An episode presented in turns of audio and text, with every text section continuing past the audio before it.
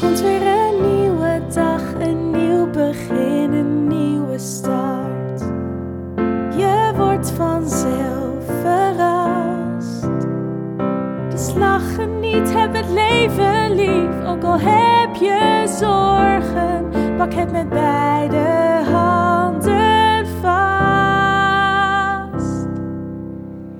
Dit is de Alles is Liefde podcast.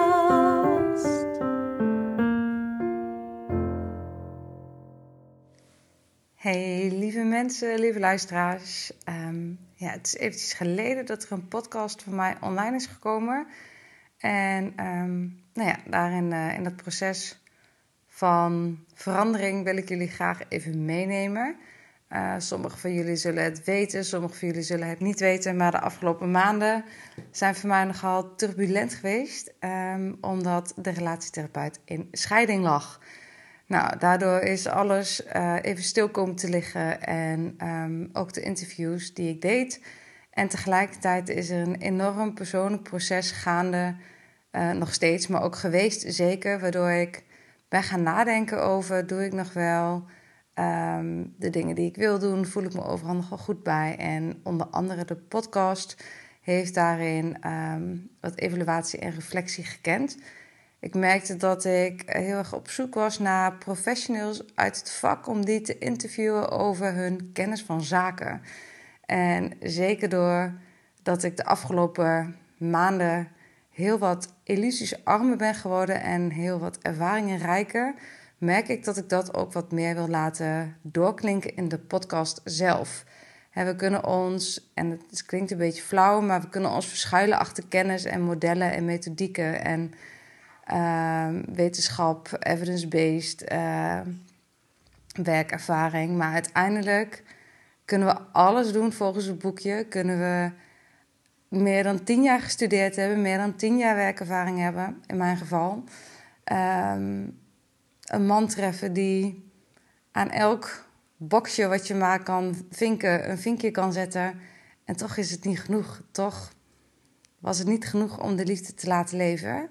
Dus voor mij is dat ergens een gevoel van door de mand vallen geweest. En tegelijkertijd een bevrijding. Van dit is dus wat het leven je voorschotelt. En het is heus niet het eerste uh, heftige ding wat ik meemaak in mijn leven. Maar dit is wel uh, in mijn periode of in de fase van mijn leven waarin ik nu zit. Uh, echt een moment geweest om te herevalueren en stil te staan bij nou ja, of ik nog wel de goede dingen doe. En ondertussen is er ook een boek in de maak. Dat boek is eigenlijk al twee jaar in de maak en misschien al wel langer, want er staan ook dingen in van vijf jaar geleden. Uh, het is het boek het Raak elkaar niet kwijt. Ironisch genoeg, Houd de liefde levend na de komst van kinderen. En nou ja, dat boek was eerst een heel theoretisch boek, wat echt enorm veel waarde had, omdat het een mega systemische kijk geeft op uh, wat er verandert in de partnerrelatie op het moment dat je samen in verwachting bent van een kindje of samen een kindje hebt uh, ja, gekregen op te voeden. Een kindje uit jullie is geboren, hoe je het ook maar wil noemen.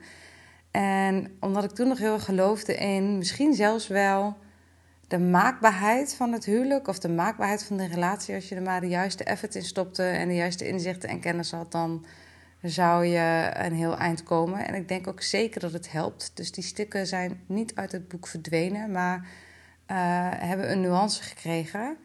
En um, omdat ik er ook deels mijn eigen verhaal in verwerkt heb. En ik denk dat het daardoor een heel waardevol boek is. En van daaruit ontstond ook mijn behoefte om in de podcast wat meer ook aandacht te besteden aan de persoonlijke ervaringen en de persoonlijke struggles. En Um, nou ja, zoals Dirk de Wachter ook zo mooi zei, dat ik het van een ander goed kan zien, betekent niet dat ik zelf niet al ploeterend door het leven struikel. Nou ja, dat is denk ik heel kenmerkend voor alle professionals en alle mensen. Um, ja, ik moet zeggen, zelf vond ik het best wel een ding uh, dat de relatietherapeut in scheiding lag. En um, nou daarin misschien ook wel iets te hoog van de toren had geblazen. En tegelijkertijd heeft het me als mens enorm verrijkt. En, en had ik dit eigenlijk ook niet willen missen, hoe gek het misschien ook klinkt. En daarin wil ik uh, de podcast ook meenemen. Wat meer ook passend is bij dat proces van mij, maar ook gewoon van de mensen in het algemeen. Eigenlijk wil ik het nog meer vermenselijker. En ik denk dat ik al met de interviews die ik deed, uh, best wel uh, het echte verhaal wilde vertellen. Dus niet zozeer protocollen opdreunen, maar veel meer hey, wat, wat is nu belangrijk en waarin um, voel je nu meerwaarde in je, in je werk, maar ook in wat kunnen mensen doen op bepaalde vlakken als het ging om seksueel gebied, uh, suïcide. Er is natuurlijk ontzettend veel voorbij gekomen in die podcast en ook over hoe vormt het leven zelf je. Maar eigenlijk wil ik daar nog wat dieper op ingaan. En wil ik ook niet zozeer meer professionals benaderen, maar eigenlijk ook gewoon. Um, ja. De mens. Of het verhaal achter de mens of zo. je ziet op internet, op social media. Um, mensen die een boek hebben geschreven. Nou ja, daar ben ik zelf. Weet je, ook een van. Uiteindelijk kun je best wel jezelf verschuilen achter een bepaalde identiteit. Die zorgvuldig is opgebouwd en een cv wat mooi lijkt. En, maar wat, wat speelt er nu daadwerkelijk? Waarover gaan je grootste angsten? Wat zijn je diepste verlangens? Waarover schaam je je? En hoe heb je dat doorbroken? En hoe heeft het doorbreken van die schaamte uh, je verrijkt? Want, en in eerste instantie wil ik me dus ook echt gaan richten op uh, wat verandert er na de komst van kinderen in jezelf en in je relatie. Maar ik trek hem ook breder, omdat ik erin geloof dat we in ons leven drie grote transformaties doormaken. En dat de eerste heel erg gaat over van twee individuen uh, een gezamenlijk leven vormen. En uh, waardoor je eigenlijk je onafhankelijke levens opgeeft en dat samenvoegt tot uh, eigenlijk één leven. Hoe dat dan ook vorm krijgt, hè, dat betekent niet per definitie met een kind in een huis. Maar het is uiteindelijk wel een soort van samenvoegen. Van hoe doe je dat nu? Hoe geef je je onafhankelijke levensvorm in de verbinding van het samen zijn? En in die tweede fase is het eigenlijk weer nadat je samen bent gevoegd, dat je heel erg op zoek moet naar uh, ja, eigenlijk weer de individuatie. Van wie ben ik eigenlijk? Wie ben ik zonder jou? Wie ben ik? Wat wil ik in het leven? Waarom doe ik de dingen zoals ik ze doe? Waarom kies ik uh, de dingen die ik kies? Zijn, zijn het eigenlijk wel mijn keuzes? Of zijn het ook echt keuzes die in lijn liggen met de verwachting van de maatschappij of van mijn ouders of van mijn cultuur? En, en resoneert het ook diep in mij? Met, resoneert het met mijn ziel, met, met wat ik hier te doen heb? En dat zijn natuurlijk hele existentiële vraagstukken. Ik denk dat het gekscherend in, uh, in ja, wel eens een midlife crisis genoemd wordt. En nou ja, dat uh, heb ik zelf ook, die vraag heb ook gekregen. Ik ben nog verre van midlife hopelijk. Maar of ik niet in een midlife crisis zat. Nou, het zal, weet je hoe je het ook noemt. Je kan er cynisch of ironisch over doen. Uiteindelijk is dit een vraagstuk die je vroeg of laat in je leven uh, in minder of meerdere mate voorgeschoteld krijgt. En bij mij kwam het misschien relatief vroeg, maar het heeft me ook verrijkt. En het heeft me ook doen beseffen dat um, je nooit zeker kan weten hoe je je blijft voelen, waar je prioriteiten staan, waar je affiniteit over gaat. Um, er verandert gewoon zoveel in je leven dat je eigenlijk alleen nog maar kunt spreken van intenties. Omdat de toekomst is altijd onvoorspelbaar. Ik weet niet eens of ik over vijf minuten nog leef. Ik ga ervan uit, maar ik weet het niet zeker. En um, dat is denk ik heel erg waar die tweede transformatie over gaat. En over die tweede transformatie, daar zit natuurlijk ook het uh, na de komst van kinderen in verwerkt. Dat is, is eigenlijk de eerste en tweede transformatie gecombineerd. Omdat in de eerste fase ben je juist heel bezig met... hey, hoe doen we dit samen? Maar zodra uh, ja, de kinderwens vervuld is... of misschien uh, nog in vervulling aan het gaan is... dus als je nog een tweede of een derde kindje verlangt... dan um, ga je dus ook op zoek naar... Hey, maar wie ben ik nou eigenlijk zelf? Omdat ook het risico van het ouderschap is... dat je verzuipt in je identiteit als vader of als moeder en vooral bezig bent met de zorgtaken en daarin uh, moeilijk weer de verbinding kan maken met dat wat er diep bij jou van binnen leeft. En tegelijkertijd zorgt dat dus misschien wel weer voor een trigger naar de tweede transformatie. Hey, doe ik nog wel de dingen die ik wil doen? En in mijn geval had het ook heel erg te maken met uh, een miskraam die ik had en waar uh, best wel wat medische complicaties bij ontstonden. Waardoor die vragen door de gynaecologen ook heel specifiek gesteld werden. En we eigenlijk een soort van, of in ieder geval ik, op pauze gedrukt werd in mijn bewustwording. En die miskraam is inmiddels al 2,5 jaar geleden. Maar ik merk wel dat dat ja, een moment is geweest waarop, waarop mijn perspectief op het leven is gaan schuiven. En ik dus eigenlijk nog meer ben gaan nadenken en filosoferen over waarom kies ik wat ik kies. Nou ja, ik denk dat die combinatie van factoren en, en zoals je nooit precies weet wat nu wat veroorzaakt, maar wel triggers zijn geweest die mij in die tweede transformatie hebben gedrukt.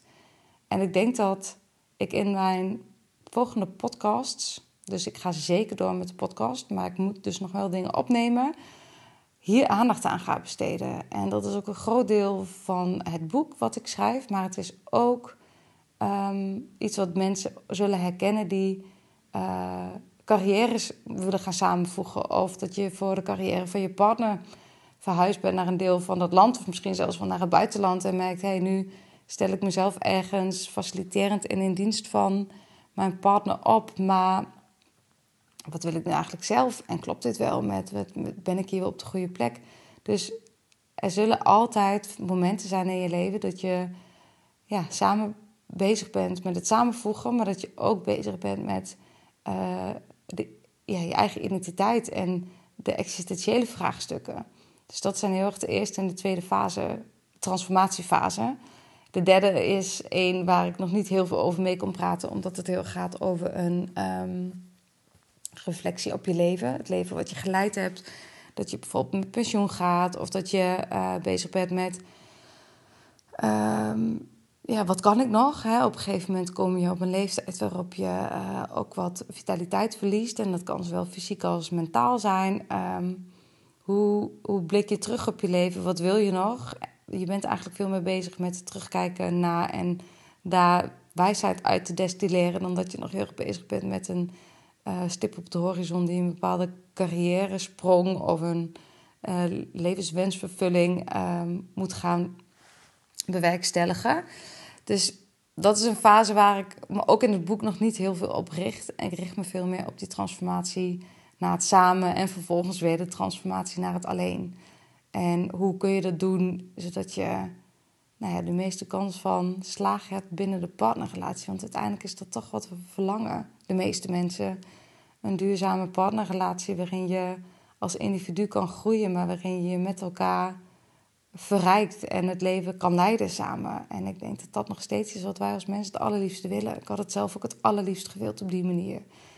En um, nou ja, daar besteed ik de komende tijd in de podcast dus meer aandacht aan. En um, ja, hoe dat precies vorm gaat krijgen, dat weet ik nog niet. Ik wil wel met mensen, denk ik, in gesprek. Dus mocht je daar ideeën over hebben, of mocht je, wat ik zelf zit te denken, het zou zo mooi zijn als je ook de gezichten die juist heel erg uh, bezig zijn met, met een bepaald, bepaalde missie of zo, dat als ik echt kijk naar wat ik liefst zou willen, is dat ik mensen die uh, door iedereen gekend worden, door iedereen, maar dat veel mensen ze kent, uh, ook wel mensen die in mijn podcast zijn geweest. Um, ik denk aan een Ellen Laan of aan Dirk de Wachten of aan Richard de Let. Um, dat, dat ik hen, en mensen met wel een soort van positie, aanzien, aanzicht, um, zou mogen bevragen met hun partner over hun partnerrelatie, over de transformatie die ik zojuist heb beschreven en hoe en of zij zichzelf daarin kennen. Dat zou ik echt magisch vinden, omdat we daarin denk ik een taboe doorbreken. Mensen praten makkelijk over, uh, makkelijke, over hun individuele vraagstukken, over, um, over wat ze meegemaakt hebben in hun leven. Maar ga je ze echt bevragen op een relatie, dan is het snel al heel erg privé. En dat snap ik, dat is ook helemaal oké. maar hoe mooi zou het zijn als in de podcast uh, ik met deze mensen, dus als koppel, een gesprek mag hebben en dat mag op, opnemen. En ze daarin mag vragen over hoe zij uh, de transformatie en de existentiële vraagstukken in hun leven en in hun relatie hebben aangevlogen. En hoe dat gewerkt heeft en wat niet werkte. En wat ze met de kennis van nu misschien zouden doen. Nou dat is iets waar ik over ehm, aan het brainstormen ben en waar ik ook heel erg enthousiast over raak. Dus mochten jullie ideeën hebben, dan uh, hoor ik het graag. En ehm, voor nu laat ik het even hierbij, maar ik hou jullie op de hoogte. En bij deze hebben jullie in ieder geval alvast wat van me gehoord. En weet, de podcast krijgt zeker een vervolg. Dankjewel voor het luisteren en uh, nogmaals, laat het me weten als je goede ideeën hebt. Ik hoor het graag. Liefst voor mij,